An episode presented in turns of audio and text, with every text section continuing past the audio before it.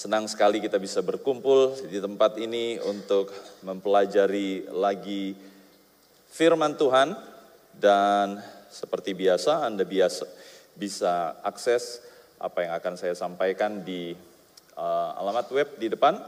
Anda bisa akses itu kalau kemarin tidak lupa beli kuota tentunya. Ya, kalau Anda nggak punya kuota, nanti saja bisa pinjam wifi gratis di rumah tetangga. Oke. Okay? Bapak Ibu Saudara, kita merasa bahwa Allah begitu baik di dalam hidup kita, bahkan sampai di ujung perjalanan kita di tahun ini, ya beberapa hari lagi kita akan sampai di pergantian pergantian tahun, kita melihat Allah itu begitu mengasihi kita. Dan saya percaya inilah yang kemudian juga akan menjadi tema besar untuk menutup tahun ini. Ya, kita belajar tentang totalitas sepanjang tahun ini dan di penghujung tahun kita belajar bagaimana Natal itu adalah ekspresi totalitas kasih dari Allah. Besok Bapak Gembala tentu akan menjelaskannya um, lebih detail lagi kepada Anda semua, rekan-rekan jemaat Tuhan, pelayan Tuhan di tempat ini. Nanti di ibadah kedua dan ketiga juga beliau akan um, sampaikan firman Tuhan.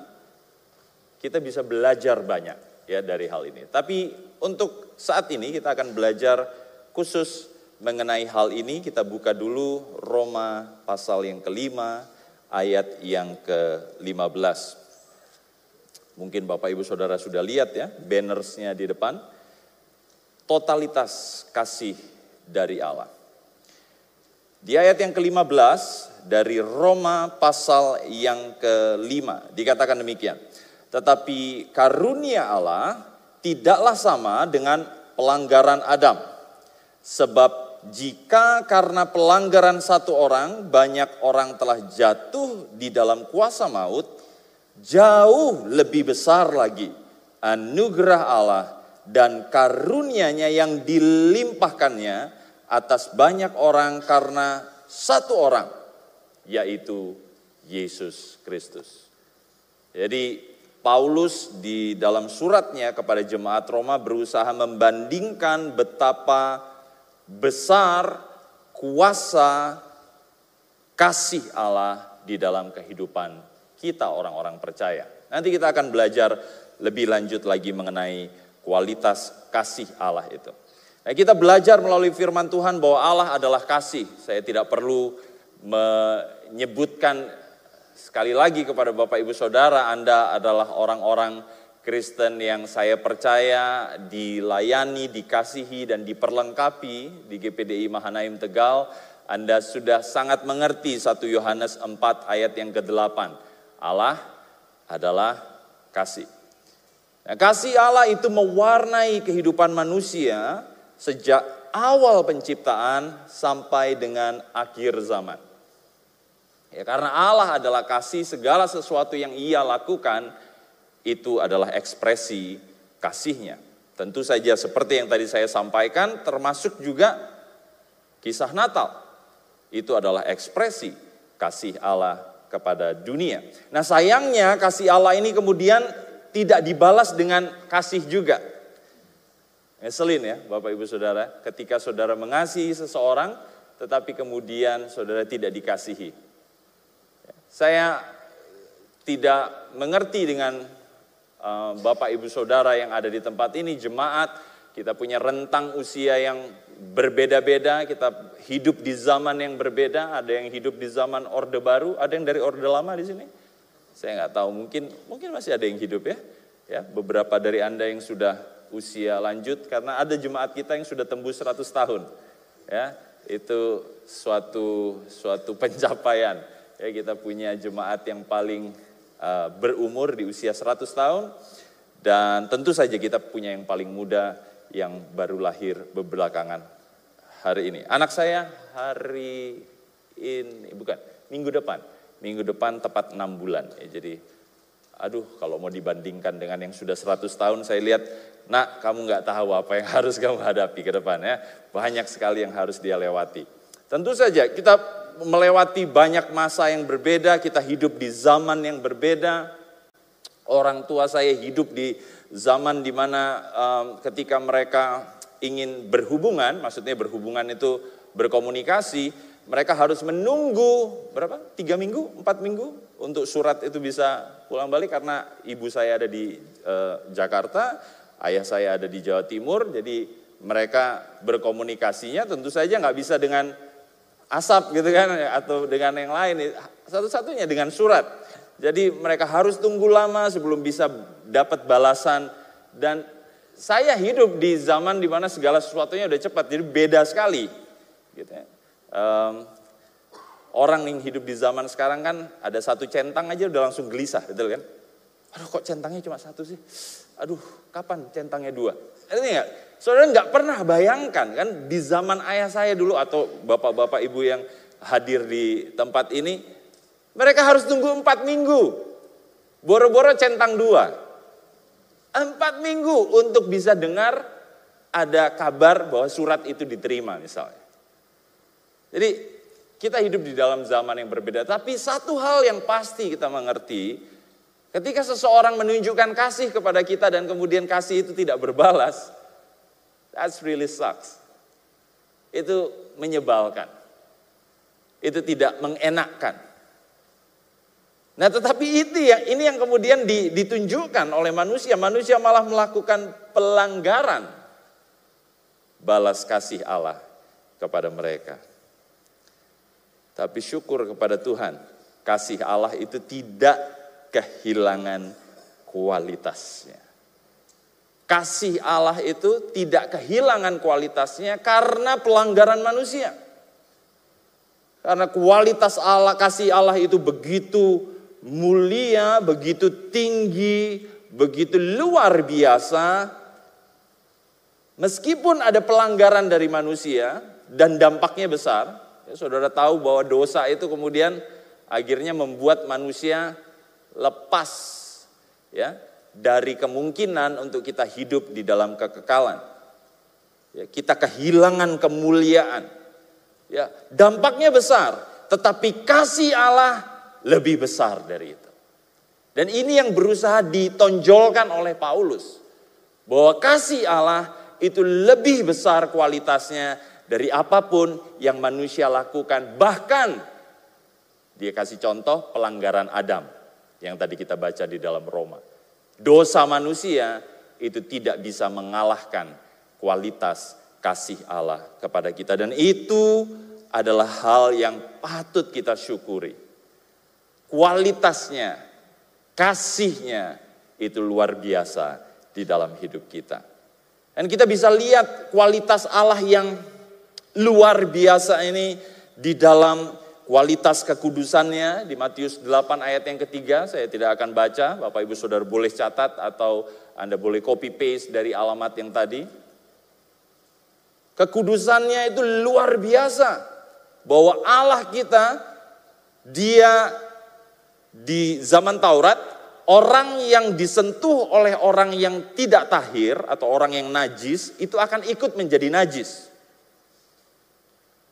jadi misalnya saja, salah satu kenajisan itu, Anda memegang mayat, gitu ya. Setelah Anda memegang mayat, Anda menjadi najis.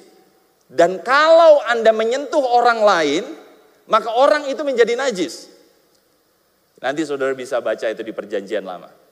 Tetapi menariknya, Yesus karena kualitasnya, kualitas kekudusan ilahi itu begitu luar biasa, ketika ia menyentuh yang najis, dalam hal ini orang yang kusta, yang najis itu menjadi kudus. Itulah yang kemudian menjadi pengharapan kita bahwa kualitas Allah, kasihnya, keselamatan yang dia sediakan itu lebih besar daripada kelemahan kita. Demikian juga kualitas mujizatnya di dalam Matius 9 ayat 33. Kalau Anda maju satu pasal lagi, Anda bisa melihat bahwa orang-orang tercengang dengan apa yang Yesus lakukan karena dia membawa kualitas kuasa ilahi yang melebihi apa yang pernah mereka lihat, yang melebihi dari apa yang mereka pernah dengar. Apa yang dilakukan oleh para nabi, apa yang dilakukan oleh orang-orang yang diberi karunia oleh Tuhan untuk melakukan mujizat. Yesus dengan kuasa ilahinya lebih tinggi dari itu. Jadi kita bisa melihat bahwa segala sesuatu yang di dalam Allah, apakah itu kekudusan, mujizat, dan kasihnya, itu jauh lebih tinggi. Ini yang tadi kita baca di Roma 5 ayat yang ke-15. Nah kualitas kasih Allah yang begitu tinggi, yang begitu mulia itu dibuktikan dengan totalitas kasihnya yang ditunjukkan kepada manusia. Karena dia punya kasih yang berkualitas. Oh, Ibu saudara kita kita mengaku bahwa kita orang yang memiliki kasih, tetapi kalau diuji kualitas kasih kita, kadang-kadang kita nggak bisa lolos dengan ujiannya, betul kan? Kita berkata bahwa oh saya sangat mengasihi, tetapi kadang-kadang ada hujan, ada rintangan, ada sakit penyakit, kemudian kita kualitas kasih itu nggak kelihatan dari diri kita kan, baik kepada pasangan, baik kepada organisasi, baik di gereja atau di dalam pelayanan kita. Kualitas kita itu agak tidak teruji. Tetapi kualitas Allah, kasihnya Allah itu luar biasa. Ya, itu kenapa kemudian itu ditunjukkan secara total untuk manusia melalui karyanya. Natal adalah bukti dari kasih Allah yang ditunjukkan bagi kita. Nah, keputusannya sekarang di tangan kita. Apakah kita yang dapat anugerah dari Allah di dalam Yesus Kristus ini, apakah kita mau masuk di dalam rencana keselamatan Allah atau kita mau tinggal di luarnya? Ada banyak orang-orang yang tinggal, memilih tinggal di luar keselamatan yang dari Allah itu. Simeon adalah salah satu contoh yang uh, menunjukkan bahwa dia menerima rencana Allah itu di dalam dirinya. Nah, Bapak Ibu Saudara, kita bisa melihat bahwa Allah begitu mengasihi kita. Ada perumpamaan-perumpamaan yang sebenarnya Yesus tunjukkan seperti di dalam Matius 21 ayat 34 sampai 38 tentang perumpamaan tuan tanah dan penggarap-penggarap yang menyewa tanah. Ya, ada banyak perumpamaan yang Yesus sampaikan itu menunjukkan mengenai karakter Allah, mengenai rencana Allah. Nah, keputusan dari tuan tanah itu adalah perlambang dari keputusan Bapa yang mengutus anaknya yang tunggal. Ya, kita sering sekali baca itu di Yohanes 3 ayat yang ke-16. Tentu saja Bapak Ibu Saudara bisa mempelajari ayat-ayat yang saya berikan ini setelah ibadah ini ya akan ada banyak waktu yang uh, dihabiskan kalau kita baca satu persatu. Jadi Bapak Ibu Saudara, kembali lagi ke apa yang tadi saya sampaikan, Natal adalah bagian dari kasih Allah yang ditunjukkan secara total untuk manusia. Kemudian tadi saya sampaikan keputusannya ada di tangan kita. Apakah kemudian kita mau menerima rencana keselamatan itu seperti contohnya Simeon yang tadi saya juga sudah sampaikan. Di dalam Lukas 2 ayat 29 sampai 32 dia menerima rencana keselamatan itu, dia melihat Yesus saat itu masih dalam tubuh seorang anak, tetapi dia melihat inilah keselamatan bagi manusia. Ya, saat itu dia menyebut bagi Israel, ya karena dia terbatas tentu saja pengertiannya mengenai apa yang Yesus lakukan.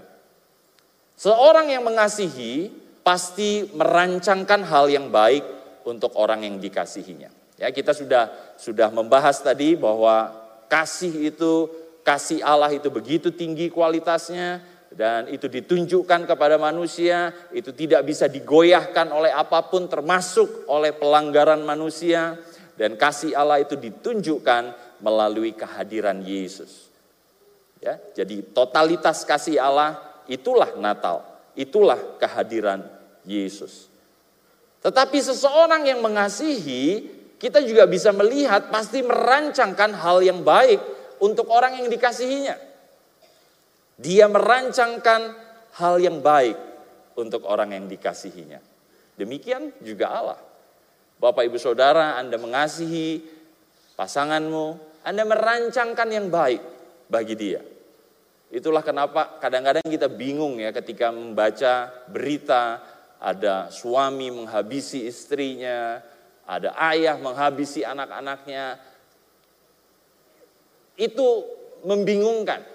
Ya, karena seharusnya orang yang mengasihi dia punya rencana yang baik. Dia pasti ingin sesuatu yang baik.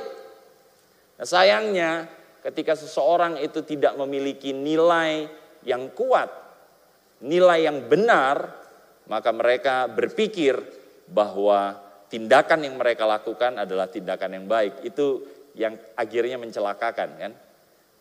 Salah satu kasusnya misalnya ada seorang yang membunuh istri dan anaknya, dia berkata bahwa supaya kehidupan mereka tidak menderita.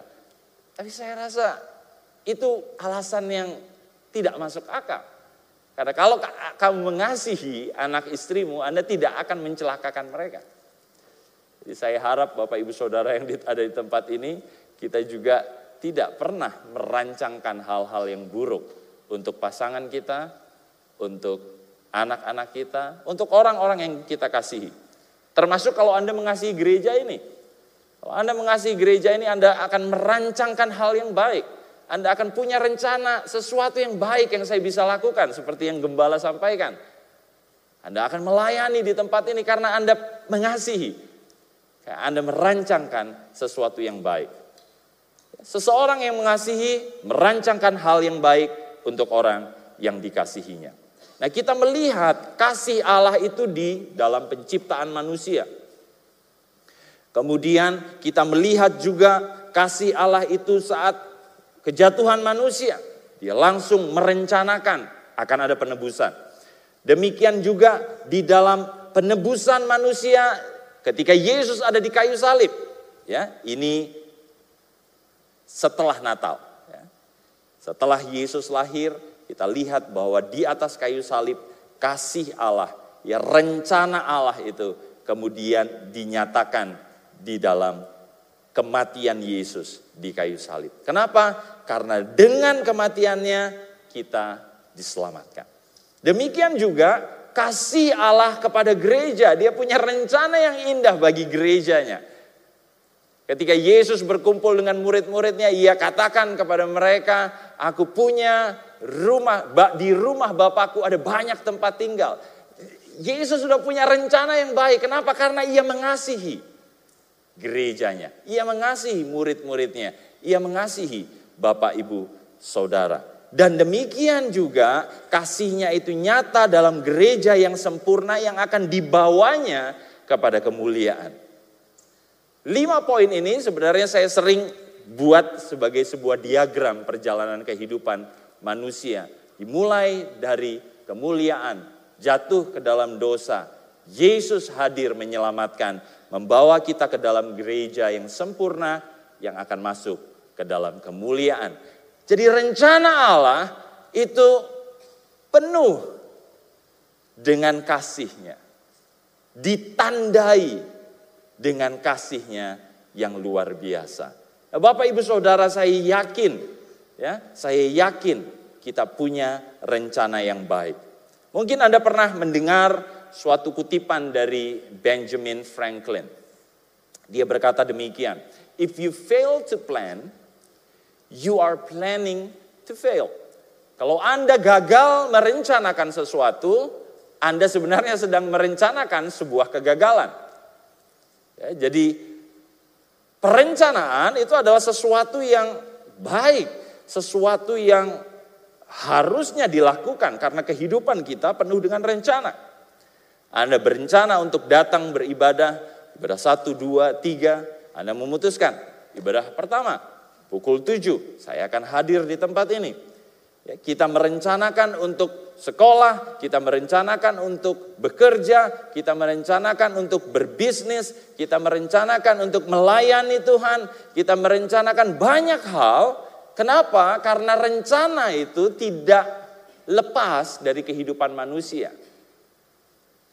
Manusia merencanakan karena Allah kita adalah Allah yang penuh dengan rencana. Tadi saya sudah sampaikan bahwa kasih itu kemudian membuat seseorang untuk membuat rencana. Allah kita membuat rencana yang baik. Kita segambar dengan Allah. Itulah kenapa kemudian kita merencanakan. Jadi Bapak Ibu Saudara, kita berusaha untuk merencanakan. Mungkin kita sedang berjuang dengan hal itu ya. Tentu kami saja di um, staff gereja, kami selalu berjuang untuk bisa merencanakan sesuatu dengan lebih baik, dengan lebih baik lagi. Karena rencana itu akan membawa kita kepada sesuatu yang lebih baik. Allah dalam penciptaan ia merencanakan manusia ya. Dia membentuk dari debu tanah. Jadi ada rencana, ada planning. Kemudian ketika kita melihat Israel ya dalam dalam perjanjian lama kita melihat ada masa di mana ketika Israel jatuh ke dalam dosa yang kemudian mengakibatkan mereka terbuang dari tanah perjanjian, Allah merencanakan lagi sebuah pemulihan. Jadi kita melihat rencana demi rencana itu Allah tunjukkan sebagai bukti kasihnya. Demikian juga Allah punya rencana besar untuk membawa manusia kembali kepada kemuliaan yang semula. Seperti yang tadi saya sampaikan bahwa Allah membawa kita dari kemuliaan kepada kemuliaan. Nah, kalau kita maju di dalam perjanjian baru, Rasul Paulus dia pernah membuat sebuah rencana dalam pelayanannya. Mari kita baca 1 Korintus pasal yang ke-6 ayat yang ke-9. 1 Korintus pasal yang ke-6 ayat yang ke-9. Atau sorry, 1 Korintus pasal yang ke-6 ayat yang sorry 19 kelihatan sorry. Ya ketika itu Rasul Paulus kemudian merencanakan sesuatu kepada mereka. Oh sorry 16.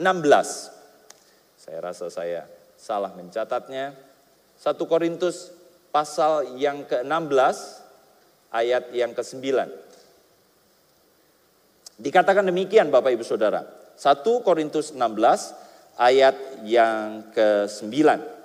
Sebab terbuka kesempatan bagiku untuk mengerjakan pekerjaan yang besar dan penting sekalipun ada banyak penentang. Jadi kisahnya atau konteksnya Ketika itu Paulus memutuskan untuk tinggal di Efesus lebih lama karena dia punya kesempatan untuk pelayanan. Sehingga dia merencanakan untuk tinggal di situ lebih lama. Ya tentu saja saya tidak akan membahas banyak ya karena panjang sekali kalau kita ingin membahas mengenai rencana Paulus ini. Tetapi setidaknya kita melihat bahkan di dalam perjanjian baru pun dituliskan bahwa perencanaan itu adalah hal yang baik. Itu dilakukan oleh orang-orang untuk kemudian menghasilkan sesuatu yang baik. Dalam segala hal, perencanaan adalah sesuatu yang dapat kita lakukan. Kita merencanakan. Bapak Ibu Saudara, kenapa saya sampaikan ini? Karena setelah ini kita sudah melihat ke tahun depan. Kita sedang melihat apa yang akan kita lakukan di tahun depan. Perencanaan adalah bagian dari strategi kita untuk mendapat hasil yang lebih baik. Ketika kita bicara tentang strategi, berarti bukan berarti kita tidak berserah kepada rencana Allah. Oh, saya sudah punya rencana saya, saya punya strategi saya yang pasti berhasil. Nah, nah, kita tetap berserah kepada rencana Allah, karena kalau kita tidak berserah, kita adalah ciptaan yang sombong sombong. Ya, kalau kemudian kita mengabaikan rencana Allah. Ya, kita punya rencana, tetapi kita tetap ada di bawah rencananya Allah. Ya, Bapak Ibu Saudara bisa baca itu di dalam Ayub 42 ayat yang kedua, kemudian juga di Mazmur 33 ayat yang ke-10 dan juga di dalam Yakobus 4 ayat 13 sampai yang ke-16 ya. Itu menunjukkan bahwa rencana itu baik, kita bisa lakukan itu tetapi tetap itu harus ada di bawah rencana Allah. Sombong kalau kemudian kita mengabaikan rencana Allah. Jadi perencanaan itu baik, tetapi kita tahu menempatkan rencana kita. Coba kita baca saja di dalam Yakobus 4. Ini ayat yang saya rasa Anda juga sering menemukannya, ayat 13 sampai 16. Perikopnya di dalam Alkitab terjemahan baru versi 2023, jangan melupakan Tuhan dalam perencanaan. Jadi sekarang, ayat yang ke-13, kamu yang berkata hari ini atau besok kami berangkat ke kota Anu, dan di sana kami akan tinggal setahun dan berdagang serta mendapat untung. Sedangkan kamu tidak tahu apa yang akan terjadi besok. Apakah arti hidupmu? Hidupmu itu sama seperti uap yang sebentar saja kelihatan lalu lenyap. Sebenarnya kamu harus berkata jika Tuhan menghendakinya kami akan hidup dan berbuat ini dan itu. Namun sekarang kamu memegahkan diri dalam kecongkakanmu dan semua kemegahan yang demikian itu jahat. Ya, jadi Bapak Ibu Saudara, baik untuk punya rencana, tetapi ingat ada rencana Allah yang lebih besar. Karena itu kita harus serahkan kepada dia, karena tanpa itu maka disebut kita ini orang yang congkak.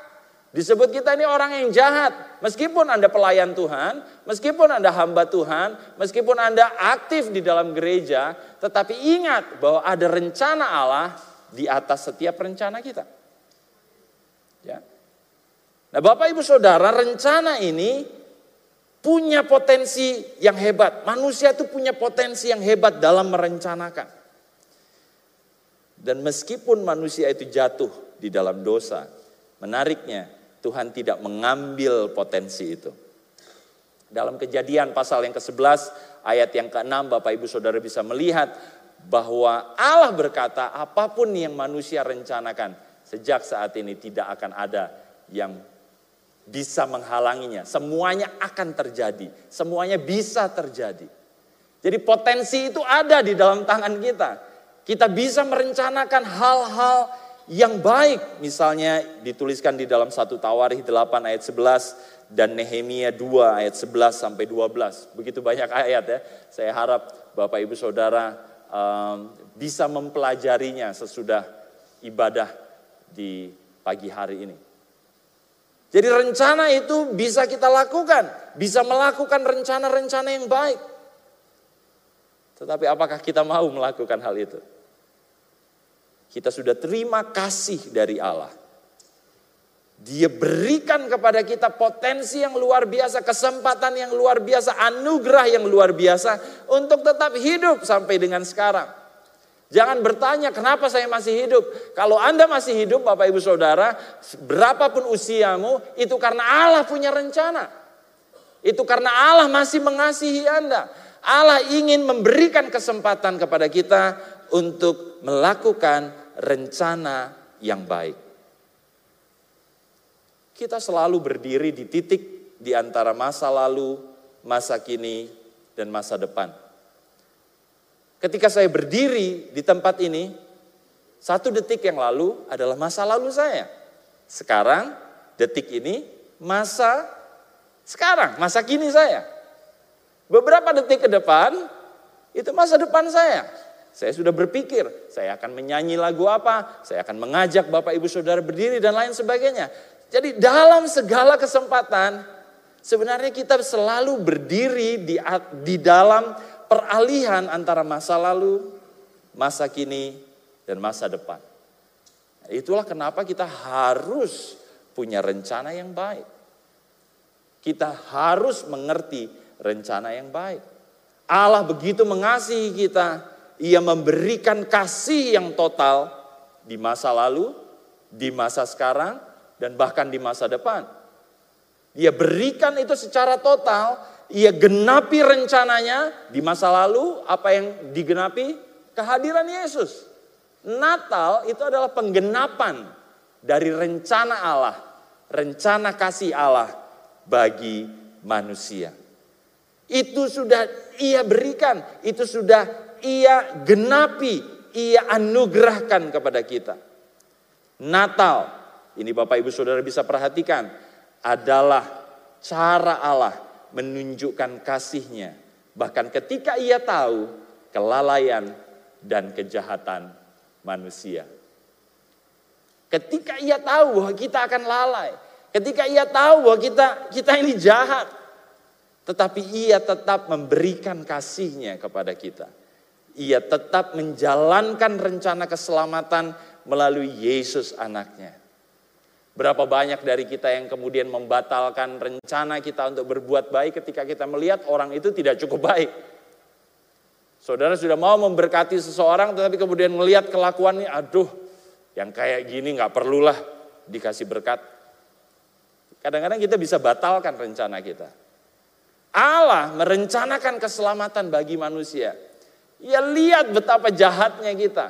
Bahkan kalau Bapak Ibu Saudara baca di dalam keempat Injil, betapa jahatnya perlakuan manusia kepada Yesus. Tetapi ia tidak membatalkan rencana keselamatannya. Ia tetap menjalankan rencananya itu bagi kita. Ia memberikan anaknya yang tunggal yang kita rayakan besok di dalam hari Natal. Pada pemandangan manusia ini adalah suatu kebodohan. 1 Korintus 1 ayat yang ke-18, Bapak Ibu Saudara bisa baca itu. Tetapi Allah memandang rencana ini dengan kasih karunia-Nya yang besar. Di awal kita sudah bahas bahwa Allah adalah kasih. Ia melihat segala sesuatu dengan kacamata kasih. Ia melihat kita yang lalai, yang jahat ini. Kita juga punya potensi untuk bisa membalas kasih Allah. Jangan tiru manusia lain yang kemudian ia membalas kasih Allah. Mereka membalas kasih Allah dengan melakukan kejahatan. But it's it's not us. Itu bukan kita, itu bukan GPDI Mahanaim. Kita berusaha untuk membalas kasih karunia Allah yang besar itu. Allah memandang dengan kasih karunia. Itulah kenapa kemudian itu disebut sebagai anugerah. Bapak Ibu Saudara, Allah mengasihi kita. Ia memberikan keleluasaan bagi kita untuk merencanakan yang baik.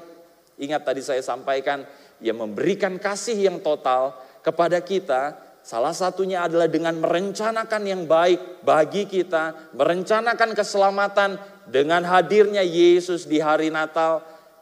Tetapi gimana dengan kita? Yang diberi kasih ini.